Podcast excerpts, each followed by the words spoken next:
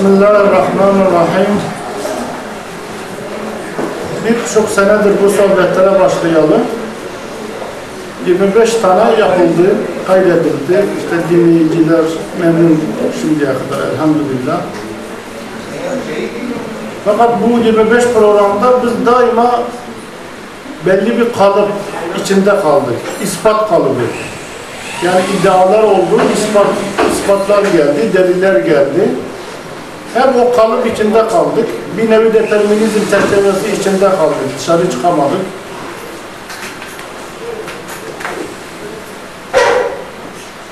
Canım çok sıkılıyordu. Yani dedik böyle bir program yapsak, artık kalıplar içinde kalmasak, böyle sonsuzluğa doğru bir teneffüs, bir ruhi açılım yapsak diye bazı notlar Kur'an'dan, Risale-i hadisten bazı notlar aldık. Başlık şu, emir ve halk kavramı. Biz şimdiye kadar ilmi çerçeve içinde kaldık, hep halk kavramı içinde.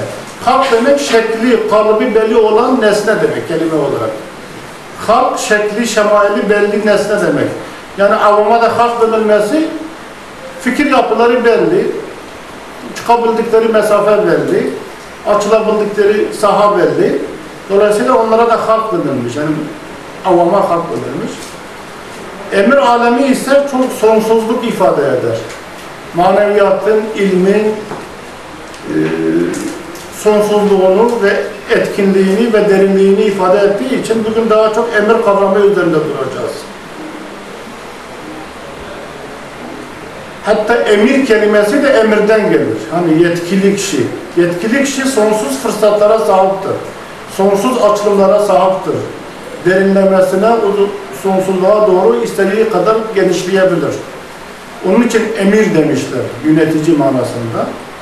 Kur'an-ı Kerim'de bu emir kavramı başta yönetim, sonra olağanüstü durum,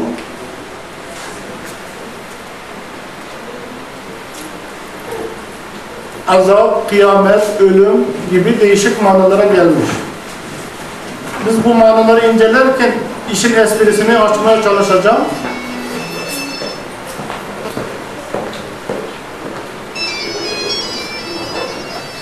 Ee, hepsinde bu incelik vardır. Ölümde de, kıyamette de, azap manasına gelen yönüyle dahi bu emrin maneviyatın etkinliği, sonsuzluğu ve derinliği anlaşılıyor. Mesela emir kavramı Ali İmran 28'de, 154'te, 159'da açıkça yönetim manasına gelmiş. Bizim bazı müfessir ve mealciler yönetim manasına geldiğini bilmedikleri için oradaki emir kavramını iş manasında anlamışlar. Ayete bakıyorsun, ulan iş ne demek burada? Hiçbir şey anlaşılmıyor.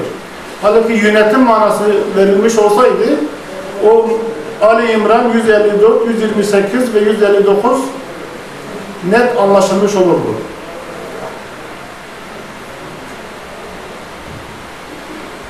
Biz şuradan böyle bir hemen çağrışım çıkartıp yapabiliriz. Eğer biz emir aleminde maneviyatın gücünü yakalayabilirsek, maneviyatta etkin olabilirsek, ilim, ilimdeki maneviyatın bir kolu sayılır ilimde. Sırf kalıpları belli çerçeve değildir ilim. Emir olmuş oluruz, yönetici olmuş oluruz, sonsuz imkanlara sahip olmuş oluruz, nefes alabiliriz. Yoksa idare edilen mahluk, halk gibi sürü kültürü içinde kalırız. Kıyamet ve ölüme de emir denmesi bu münasebetendir. Kıyamet bu daracık dünyanın yıkılması demektir. Burada kalıplar belli, yaşayabileceğimiz imkanlar belli, çerçeve belli. O çerçevenin dışına çıkamıyoruz. Kıyamet koptu mu yeni bir aleme çıkıyorsun. Sonsuzluğa açılım oluyor. Maneviyatın gücü netleşmiş oluyor. Dolayısıyla kıyamete de Kur'an emir. Eta emrullahi. Allah'ın emri gelecektir. Fela tesaciliyor. Onu acele istemeyin diyor. Ama kıyamet ne zaman kopacak gibi bir acelecilik yapmayın diyor.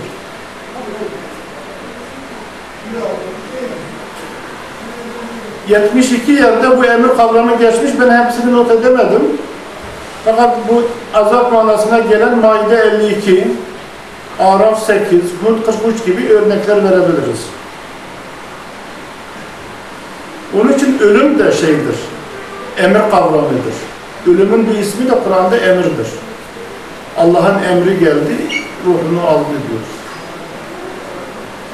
Çünkü ölüm de dünyanın dar çerçevesi dışına çıkmaktır. Sonsuzluğa açılmaktır, başka geniş bir aleme çıkmaktır.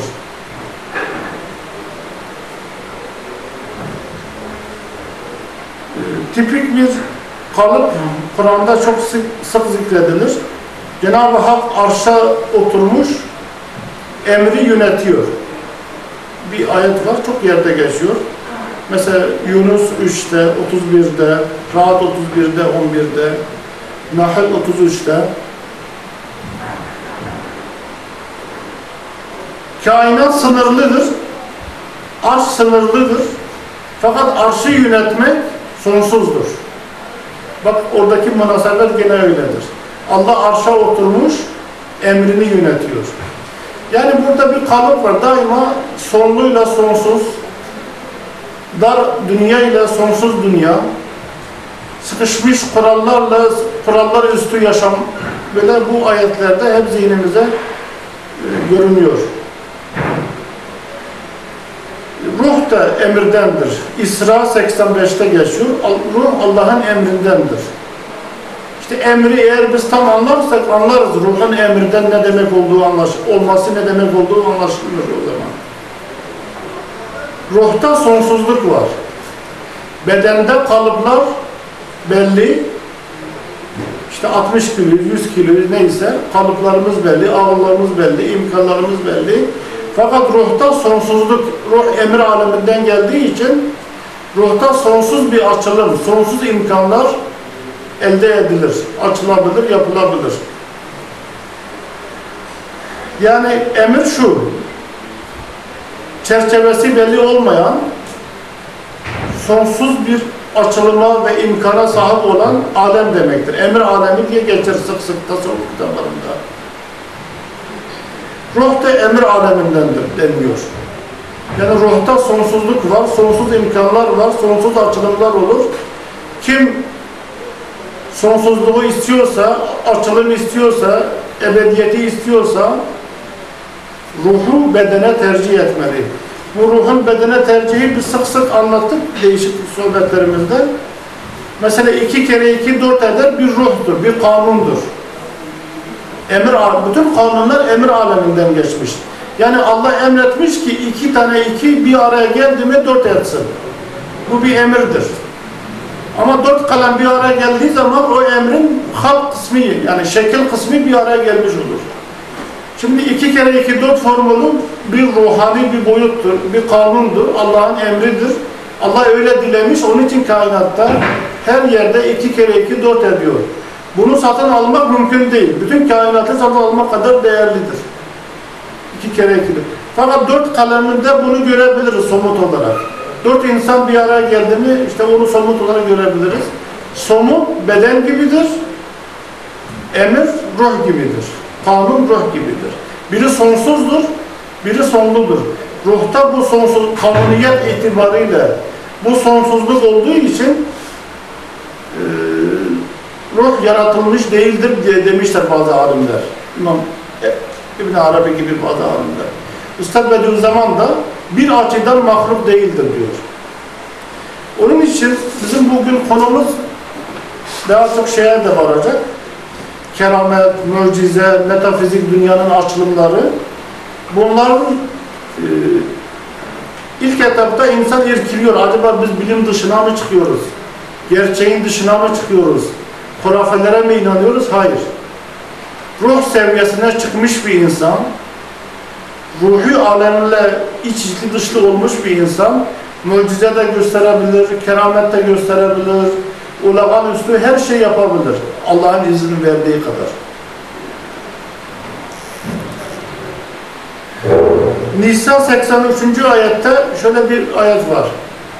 Eğer karışık olan bir konu onlara gelse Allah'a ve Resulüne danışmak tarzıyla, onların bilgisine vurmak tarzıyla ulul emir, emir alemi, emir yetkisi olan kişiler olabilir.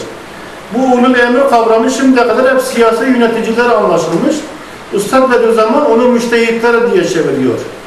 Çünkü müştehitler sonsuzluğa açılmış bir kafadırlar. Bir ruhu yapıları vardır. Engin bir dünyaları vardır. Onlar işin geçmiş ve gelecekle ilgili irtibatını kurarlar.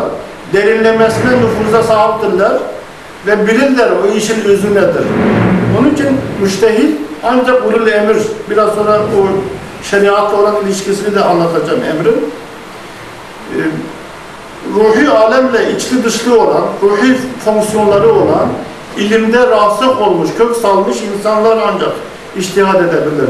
Böyle olmayanlar iştihad yapamaz. Yapsa da yüzeysel kalır, gerçeği göstermez. Neml 33'te yetki manasına gelmiş. Bu emir kavramı. Ruh manasına secde 5'te, talak 12'de ve casiye 18'de gelir.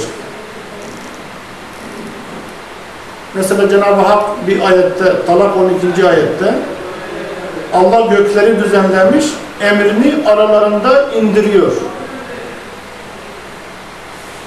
Gökler sınırlı, sabit bir kalıp fakat aralarındaki emrin işlevleri, gidiş gelişleri, inişi çıkışı sonsuz. Sürekli bir faaliyet ve etkinlik ve sonsuzluk var. Şeriat da hani bazılarına göre gericilik sayılır şeriat. İşte şeriat deyince ne bileyim örtü, çarşaf, cami, minare böyle orta çağın kültürü gibi bir anlaşılır. Fakat Kur'an şeriat kavramını emirden bir şeriat diye çeviriyor. Tarif ediyor. Yani İslam şeriatında sonsuzluk var, ruhanilik var, metafizik boyut var. Dolayısıyla şeriat hiçbir zaman gericilik olmaz. Bak, şeriaten minel emri, sümme ceallâke ala şeriatin minel emri diyor Casiye 18'de. Seni emir aleminden bir şeriat üzere kıldık. Mealen böyledir.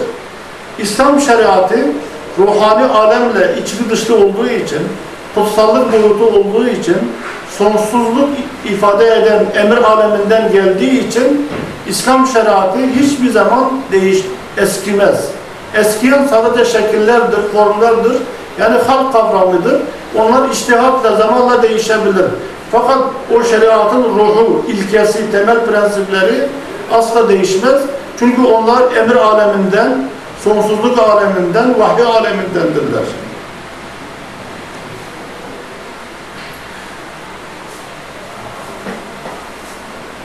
Kur'an-ı Kerim Şura 51'de ve kezalike enzelna ruhen min emrina diye açıkça bir ifade ediyor. Buradaki ruh vahiy manasında. Emirden bir ruh sana indirdik. Nasıl oluyor emirden bir ruh? Emir Allah'ın sonsuz yetkisini taşıyan, sonsuz ilmini taşıyan ve içinize girdiği zaman düzenleme özelliği olan bir ruh indirdik. Vahiy bir ruhtur aynı zamanda. Girdiği aileye bir düzen verir, girdiği topluma düzen verir, girdiği kalbe düzen verir, sıkıntı kalmaz.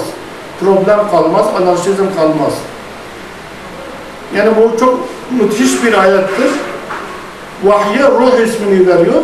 O ruhu da emir aleminden yani sınırlı bir espri, sınırlı bir ilham değil o vahiy. Sonsuz emir aleminden gelmiş. Dolayısıyla İslam'daki vahiy de sonsuzluk ifade ediyor. Allah'ın sonsuz yetkisini ifade ediyor. Onun için eskimez ve her zaman canlıdır, verimlidir, biyolojik hayat da öyledir. O da emir aleminden gelmiş.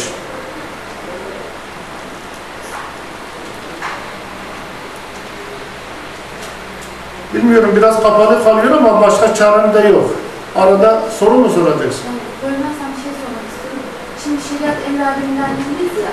Burada hani Kur'an'ın lafzının peygambere manasının Allah'a ait olması gibi şeriatın usulü ilkelerinin Allah'a ait olduğunu, emri aleminden olduğunu ama bazı kurallarının çünkü toplumdan yani evrensel ama yine de toplumlara hitap eden ve insanların akıllarına hitap eden şekilde geldiği için bir manada somutlaşmış oluyor şeriat. O manada şeriatın ruhu emri aleminden bir ama işte bazı ilkelerin yansıması e, Şimdi- olabilir mi? Bunu bir örnek, bak Pakistanlılar ayrı yurtunur, Araplar ayrı yurtunur, Türkler ayrı yurtunur. Ama hepsinde namusu muhafaza, kadını koruma manası var. Burada şekil çok önemli değil. Kimisi cami dört köşe yapar, kimisi yuvarlak yapar, kimisi işte üçgen yapar. Burada şekil önemli değil. Yani hepsinde ibadet manası, ruhani açılım varsa bu emir aleminden bir şeriat demektir. Onun için şeriat eskimez diyoruz zaman muhtelif risalelerinde. Emir alemini içeriyor. Emir alemi de sonsuz yetki ve açılım demektir. Sonsuz boyutları taşıyor. Dolayısıyla şeriat daima geçerlidir. Yani bin sene önceki güller, şimdiki güllerden daha şey kötü değillerdi. Gül güldür. İşte mevsimine göre, iklimine göre şekil değiştirir sadece. Gülün kalitesi her zaman aynıdır. Fussilet 12'de, Talak 12'de gene semavattan bahsediyor. 12, hani 12 aya işaret ediyor ya. Bu semavat bahsi genelde hem Talak suresinde hem Fussilet suresinde 12. ayette geçmiş. Her göğe emrini Allah vahiy ediyor. Burada Allah'ın yaratma biçimleri her sema bir alemdir. İnsan da bir alemdir. Onun göğü beynidir. Dünyanın göğü atmosferdir. İşte galaksinin göğü belki başka bir alemdir. Daima Allah bu iki kavramı üst üste getirir. Alta şekli belli olmuş bir alem, üstte sonsuzluk ifade eden yuvarlağımsı bir beyin veya bir atmosfer veya bir sema var ve Allah orayı daima Allah yönetiyor. Allah vahiy ediyor onun yönetimini, onun düzenini Allah yönetiyor. Şimdi beyni oraya sonra dön dönelim. Ee, emrin zıddi sünnetullah'tır. Değişmeyen yasalar. Ve Kur'an'da peygambere dahi diyor sen Allah'ın sünnetini değiştiremezsin. Ama bakıyoruz peygamber mucizeler göstermiş, kerametler göstermiş. O Allah'ın tabii kanunlarını, sünnetlerini değiştirmiş. Nasıl olacak? Eğer mahlukat seviyesindeysen değiştiremezsin. Ama emir alemiyle temasa geçmişsen, ulul emir olmuşsan değiştirme yetkin oluyor, değiştirebiliyorsun. Peygamber beşer olarak, insan olarak Allah'ın tabii kanunlarını değiştiremez. Fakat ulul emir yetkisiyle, peygamber kişiliğiyle değiştirebilmiş. Bu çok önemlidir. Yukarıda da hani ulul emir ancak iştihad edebilir dedi ya. Yani biz mahlukat olduğumuz itibariyle Allah'ın yer çekimini hiçbir zaman değiştiremeyiz. Fakat veli olursak, o sonsuz alemle temasa geçebilirsek, emir kavramından bize de bir nasip gelmiş olursa, o zaman hiçbir zaman biz sıkışmayız, İstediğimiz zaman yürürüz, istemediğimiz zaman uçarız. O fırsat var yalnız. İşte uçan insanlar olur mu olmaz mı? Olmuş. Tarihte milyonlarca örneği vardır. Emrin zıddı sünnetullah'tır dedik. Sünnetullah bir alttaki insanlar tarafından değiştirilemez. Fakat emir kavramıyla, emir hakikatiyle, emir alemiyle temasa geçmiş insanlar sünnetullah'ı değiştirme yetkisine sahiptir. Çünkü onlar kendi namına yapmazlar. Yine emir sahibi olan Allah namına o işi yaparlar. Bizim Vahiy ve Medeniyet diye bir kitabımız var. Orada Rahat Suresinin tefsirinde kainatta işte ne kadar mucize, ne kadar sünnetullah böyle dengeli bir şekilde anlatılmış Kur'an'ın tefsiri içinde. Yani şöyle sureyi okursanız baştan sona kadar demek ki kainatta işler yarı yarıya sünnetullah çerçevesi içinde oluyor. Yarı yarıya da mucize tarzında olur. Yani Cenab-ı Hak adildir, her şeyi dengeliyor. Bir el sağ, bir el sol. Bir işi mucizevi, bir işi sünnetullah, kanun çerçevesi içinde. Fakat bir açıdan bakarsanız o mucizevi işlerin de kendine göre bir kanunu var. O kanun olan sünnetullah'ın da mucizevi boyutları var. Yani bugün yer çekimi kanundur. Her zaman her yerde çeker diye ama yer çekimi öyle büyük bir nimettir ki o nimetiyet içinde ayrı bir mucizelik var. İşi gene Cenab-ı Hak her şeyde gene dengeliyor. Yani mesela sağ elimiz kesildi. E, yemek yiyemiyoruz, yazı yazamıyoruz. Beyin hemen bir keramet gösteriyor. Sol ele o yetkileri, o imkanları veriyor. Dolayısıyla sol elle yemeye başlıyorsun. Sol elle yazmaya başlıyorsun. Sol elini sağ elden daha fonksiyonel bir halde kullanma imkanına sahip olabiliyorsun. Çünkü sağda sol var, solda sağ var. Her kadın biraz erkektir, her erkek biraz dişidir, doğrudandır. Yani böyle kainatta yani zıtlık var, kavramlar var, dualite var ama böyle bu taraf yüzde yüz bu, bu şekildedir, bu taraf yüzde yüz bu taraf bu şekildedir diyemiyoruz. Her işin içinde o yüzde elli, yüzde elli oranlar gene muhafaza ediliyor. Mesela size bir tipik örnek burada beyinle ilgili. Her hücremiz bir beyin gibidir. Vücudumuz halk, kalıbı belli, şekli belli, mahlukattır, yaratılmıştır. Fakat beynimiz yuvarlak olduğu için beyin emir aleminde. Yani neyin ne zaman hatırına geleceğini, hafızanı koruyup koruyamayacağını, bilgi sahibi olup olamayacağını tamamıyla Allah'ın elinde. Beyinde pek kurallar belli değil. Beyin yuvarlaktır. Beynin çalışması da emir alemine aittir. Pek kuralları belli değildir.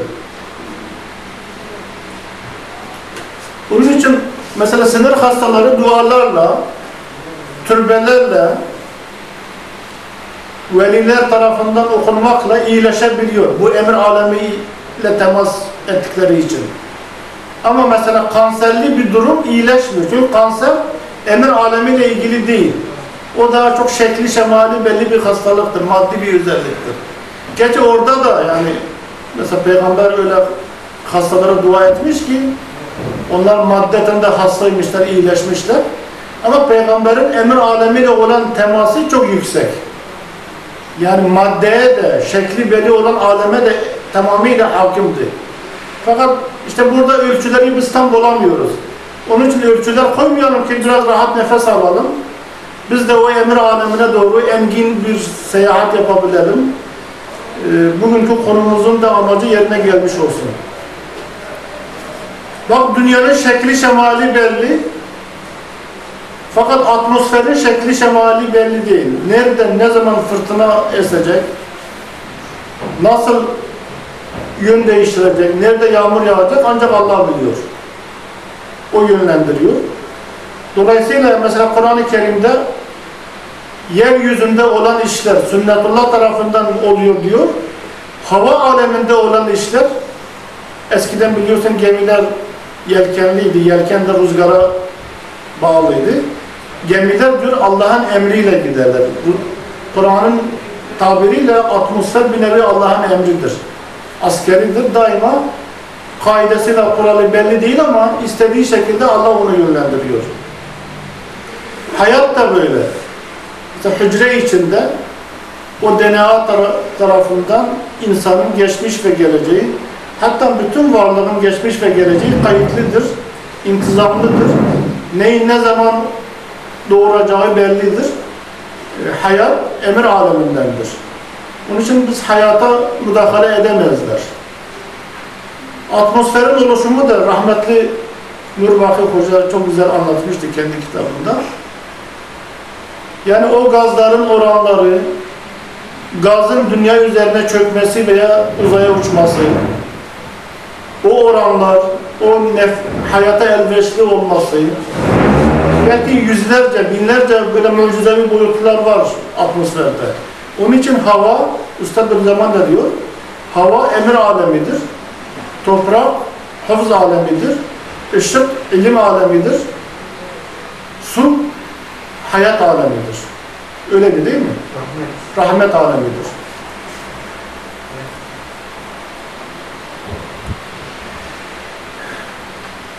Yani biz mümin olarak önce kendimizi şu şekilde bir şartlandıracağız. Kainatta halk var, emir var. Oranlar 50-50'dir. Fakat nerede, ne zaman işi birbirine karışık olduğu için e, ölçüyü tam tutturamayabiliriz. Daima maddeten sebeplere başvuracağız. Halkın gereği, sünnetullahın gereği neyse onu yerine getireceğiz. İmkanımız bittiği zaman şifaya, olağanüstü duruma, emir alemine, mucizeye, keramete başvuracağız. Mesela bir hastalığımız olduğu zaman doktora gideceğiz. Bu Allah'ın bir emridir, yasasıdır diyeceğiz. Ama şifayı Allah'tan bileceğiz. Çünkü bu şifa içinde öyle sonsuz şeyler var ki, kompozisyonlar. Ancak bakıyorsun emir aleminden bir yetkiyle, bir, bir tesirle olabilmiş. İlaç orada bahane kalıyor. Gürültü.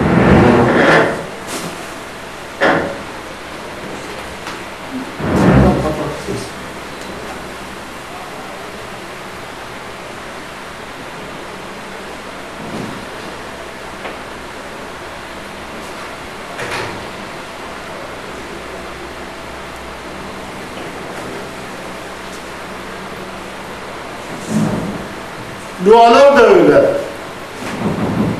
Asıl olan fiili duadır. Yani biz çünkü dünyada yaşıyoruz. Dünyanın kalıpları, kanunları, çerçevesi belli. Fakat fiili dua bittikten sonra manevi duanın da sonsuzluğa açılan bir kapı olduğunu bilmemiz lazım. O sonsuzluk içinde nefes almamız lazım. Ve bizim şey inanmamız lazım ki asıl yetki Allah'ın elindedir. O vermedikten sonra o işler olmaz. Kerametler, mucizeler haktır. Emir alemindendirler. Sonsuz bir alemin belirtileridirler. Ama Cenab-ı Hak kerametlerle yaşayın, mucizelerle yaşayın demediği için biz Allah'ın emrine uyarak fiili dualarımızı, pratik dualarımızı yapacağız. Sıkıştığımız zaman olağanüstü bir icraat isteriz Allah'tan, bir kapı isteriz, bize tecelli etsin diye. Bu kuantum fiziğiyle ilgili bugünlerde belki radyolardan, değişik kitaplardan öğrenmişsiniz. Birkaç kitap da çıktı piyasaya. Atomun fizik olarak kalıbı belli, enerjisi belli, protonları belli, elektronları belli. Fakat atomun parçacıklar kısmında, kuantum fiziği dedikleri alanda, orada hangi parçacık, ne zaman, hangi şekilde görüneceği belli değil. Bir parçacık var, bir an çubuk gibi gözükür. Bir saniye sonra yuvarlak olarak gözükür. Bir saniye sonra dalga olarak gözükür. Bir bakıyorsun parçacık olarak gözüküyor. Sürekli şekil değiştiren ve emir alemini bildiren, emir alemine bakan bir boyut var her şeyde, her atomda bile. Hatta çok ilginç, araştırmacılar o parçacıklara işte sen dalga olarak bakmak istiyorsan dalga oluyor. Parçacık olarak görmek istiyorsan sana kendini parçacık olarak gösteriyor. Çubuk olarak görmek istiyorsan çubuk olarak gözüküyor. Yani senin beyindeki talebin, niyetin, duan onun o alemi etkiliyor. Bu çok önemli. Yani burada biz fiziği irade etmiyoruz. Fizik var, altın altındır, karbon karbondur, hidrojen hidrojendir, oksijen oksijendir. Fakat bu atomların sabit şekli belli halk dediğimiz çerçevesi dışında hemen bir altında, arkasında sonsuz bir alem var. Parçacıklar alemi. Adeta emir alemiyle hareket ediyorlar. Geziyorlar, tozuyorlar. Kainatın bütün diğer atomlarıyla etkileşim içindedirler. Onun için materyalizmin temeli yıkıldı yani bu kuantum fiziğiyle. Gerçekten yıkıldı. Eskiden eski insanlar sanıyordu ki her şey kalıbı belli, her şeyin kuralı belli. Ee, sebep sonuç yüzde yüz birbirini etkiliyor, gerektiriyor. Öyle değil sadece. Sebep de sonucu etkiliyor. Sonuç da sebebi etkiliyor. Yani iş gene emir alemine, son karar emir alemine kalıyor. Dolayısıyla bir dua ile şifa olur mu? Olur.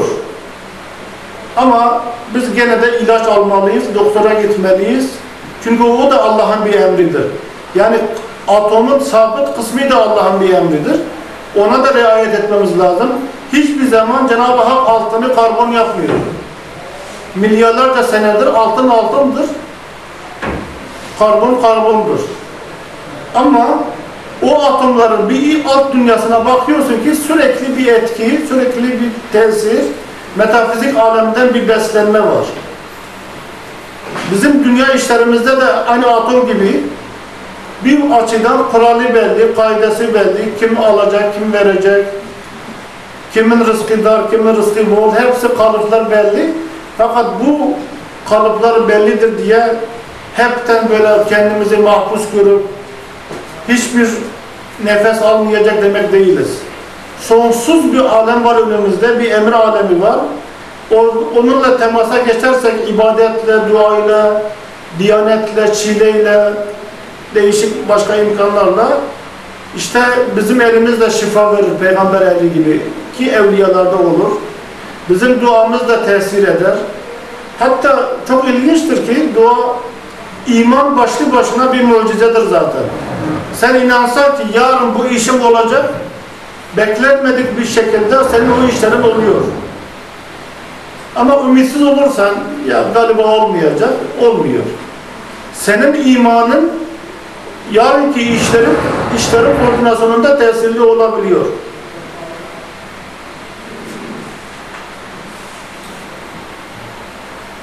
Hulasa kainat sınırlıdır maddi şekliyle, kalıplarıyla. Fakat kainatta olan biten işler sonsuzdur. Ve Kur'an-ı Kerim Allah'ı tarif ederken o her gün yeni bir şeyindedir. İşte harikalık burada. Kainat sınırlı olduğu halde açılımlar, işler, şuunat, dualar emir alemine açıldığı için orada emir aleminin etkinliği sonsuzdur ve kainat sınırlılığıyla beraber Allah'ın sonsuzluğuna bir ayna olabiliyor. Ee, şeyde okumuştum, Ayhan Suylar'ın bir kitabında vücudumuzdaki bilgi işlem hacmi işte kaçtı? 10 üzeri 179 muydu neydi? Kainattaki bütün atomlardan fazladır. Atomlar sabit, hal, kuralı çerçevesi belli. Fakat bilgi işlemler emir alemiyle olduğu için sonsuzluk ifade ediyor adeta. Sonsuza açılıyor.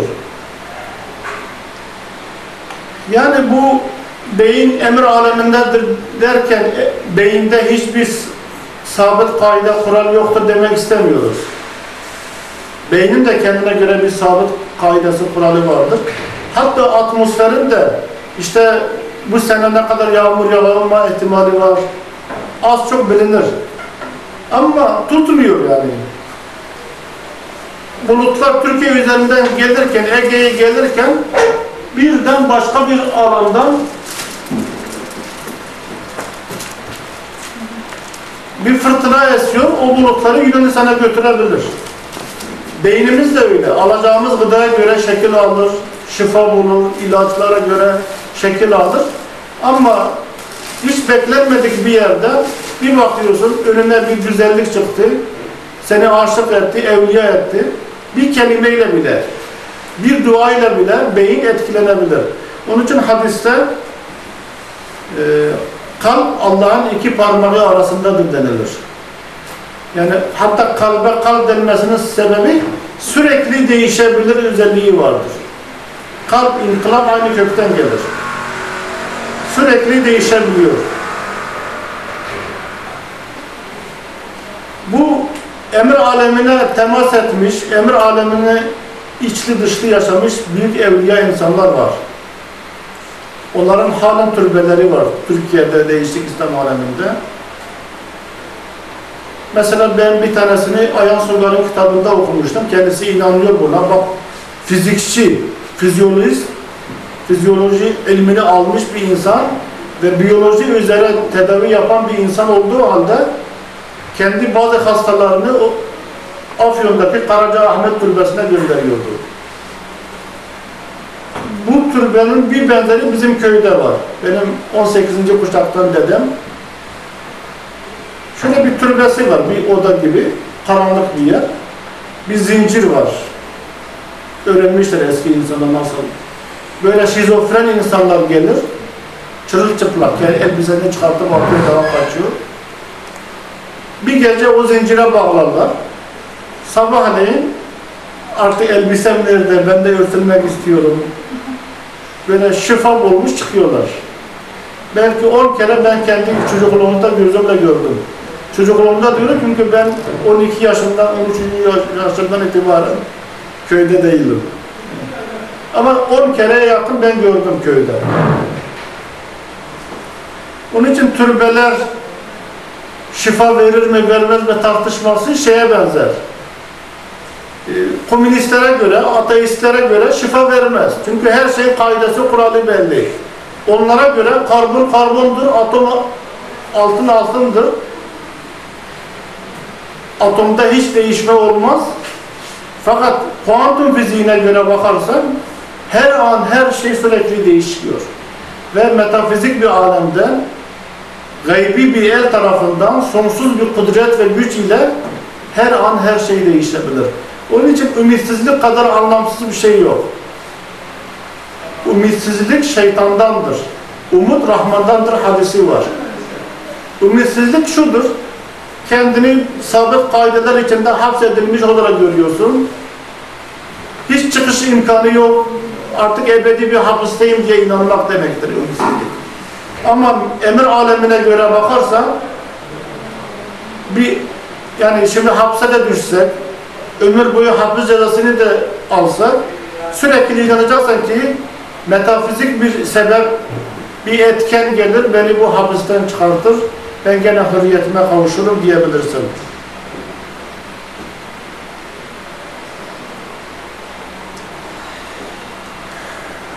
Geçen neden soruyordu? Bizim bir kızımız burada oturuyor. Şimdi bir mutasavvuf kadıncağız var. Mural Efendi program yapıyor. O söylemiş. Sır, insanda sır diye bir latife var. En derinlerde böyle. Sır emir alemindendir. Akıl kalp alemindendir. Şimdi aklın ölçüleri belli. Bak çok ilginç. Belki o kadıncağız farkında değil ne dediğini. Ama tasavvuf kültüründe böyle bir bilginin olması ilginç. Aklın kalıpları belli, şekli belli, gideceği alan belli, yapacağı işler belli, imkanları belli. Fakat sır ve kalbin içi sonsuzluk, sonsuz aleme açılıyor. Emir alemine açılıyor. Allah'ın mucizelerine, kerametlerine açılan bir bağlantısı var. Orada o sırda her an her şey olabiliyor ve hep güzel şeyler oluyor. Yani emir aleminden bir şey geldiği zaman sonsuzluktan geldiği için hep güzeldir. Çirkinlik mahlukatın dar çerçevesi içinde vardır. Sonsuzlukta çirkinlik yoktur. Sonsuzlukta öyle bir güzellik var ki o mahlukatın daracık şekillerini, çirkinliklerini de giderebiliyor, tedavi edebiliyor, güzelliğe çevirebiliyor.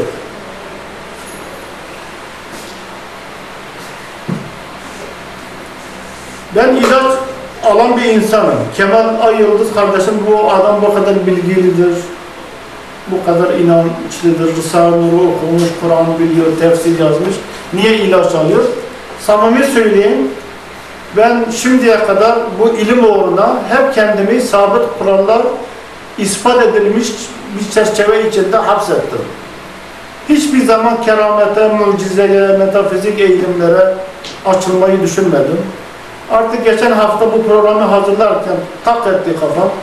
Bırakıyorum dedim her şeyi. Sebebi de, parayı da, dükkanı da, çocuğu da, çoluğu da her şeyi bırakıyorum.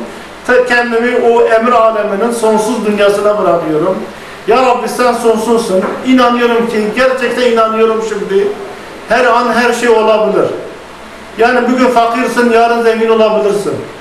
Bugün hastasın, anında şifa olabilirsin. Bu iman dahi sonsuz bir hazinedir benim için. Ve yani ben bunu da ispat edebilirim de kendimi bir daha kalıplara atmak istemiyorum. bir daha. paradoks gibi olur o zaman. o zaman paradoks gibi olur.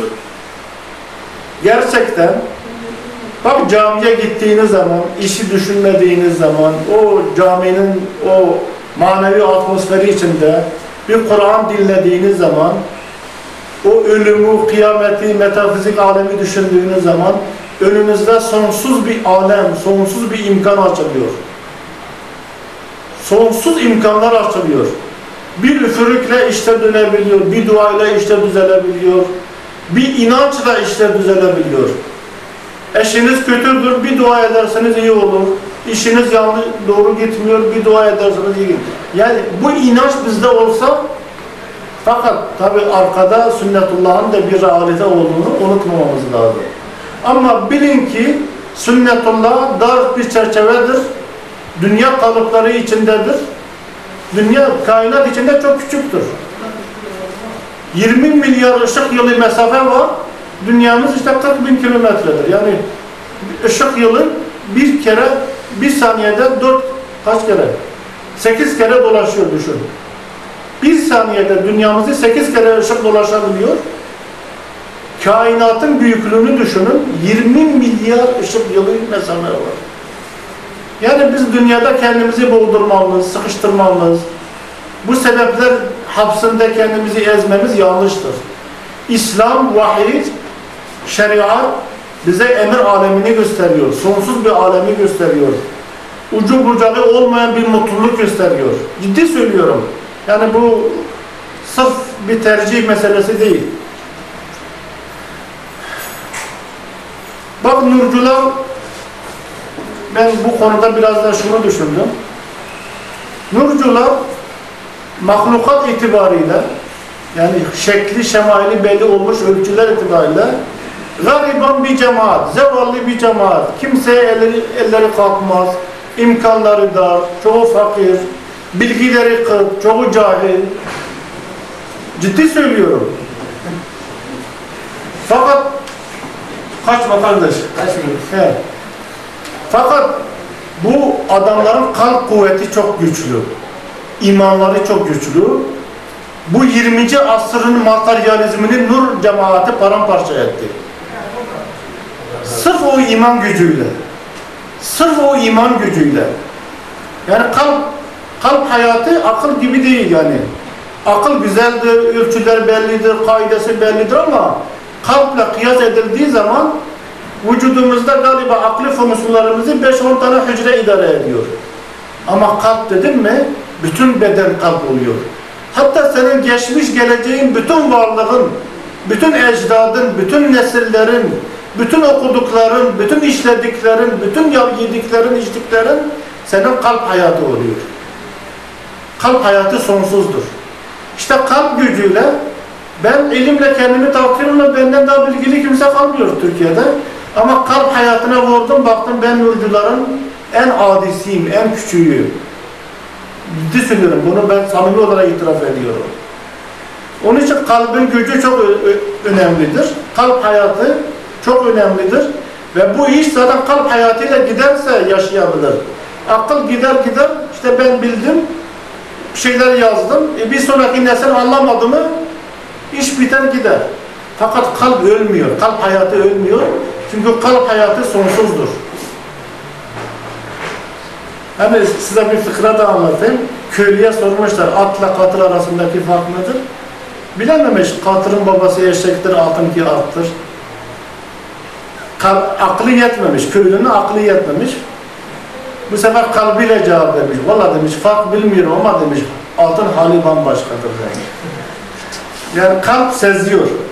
Gerçekten bu asrın en büyük bedbahtlığı kalp hayatının, manevi hayatın emir alemiyle ilişkilerin sıfır olmasıdır. Yani ben şimdi size bilimsel bir nükte anlattım kuantum fiziğinden. Hoşunuza gider çünkü nasılsa bilim dünyası kuantumu kabul ediyor. Ya milyonlarca veli gelmiş, 124 bin tane e, peygamber gelmiş. Hepsi mucize göstermiş, hepsi uçmuş, hepsi metafizik icraatlar yapmış, hepsi cemaatler yetiştirmiş. Hayvan olan o vahşi insanları melekler seviyesine çıkartmışlar. Bunu anlattığım zaman ya acaba acaba gene deriz. Çünkü bu asır bizi materyalist yapmış. Halkın en süfli tabakasına indirmiş. Hepimizde bu hastalık var. Maneviyatımız, kalbimiz kördür. Ben kendi inanma itiraf ediyorum, bilmiyorum sizi. Bu asır materyalist bir asırdır. Deccal asrıdır, kör asırdır. Maneviyat gözükmüyor, emir alemi gözükmüyor. Sonsuzluk gözükmüyor. Gözükse de hani biz ona bir yorum getiriyoruz kendimize göre. Bir yorum getirmek demek o kerametin, o mucizenin, o manevi gücün kerametini azaltmaz. Ben ne dedim? Mahlukatın da içinde mucizeler var. Yani her mahlukun şekli, kaidesi, kuralı belli. Her şeyin bir mucizevi boyutu olduğu gibi her kerametin, her manevi emrin de bir kuralı, kaidesi olabilir. Bu onun sonsuzluğunu, güzelliğini ve harika olağan üstünlüğünü bozmaz. Ona aykırı değildir. Yani ne dedik? Sağ da var, sol da var ama sağ içinde de bir sol el var, sol içinde de bir saklı sağ el var. Kainat böyledir. Dünyada ahiret hayatını yaşayabilirsiniz. Cennet hayatını yaşayabilirsiniz. Ahirette de istediğiniz zaman, özlediğiniz zaman dünya hayatını yaşayabilirmişiz. Benim canım dünya hayatını al, yaşadı Allah'a. Öyle mümkündür yani.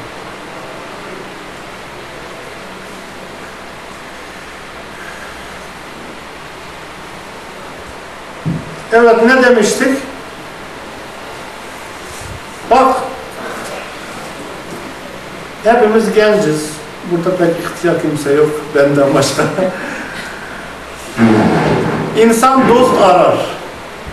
Eşten, akrabadan ayrı olarak bir dost arar insan.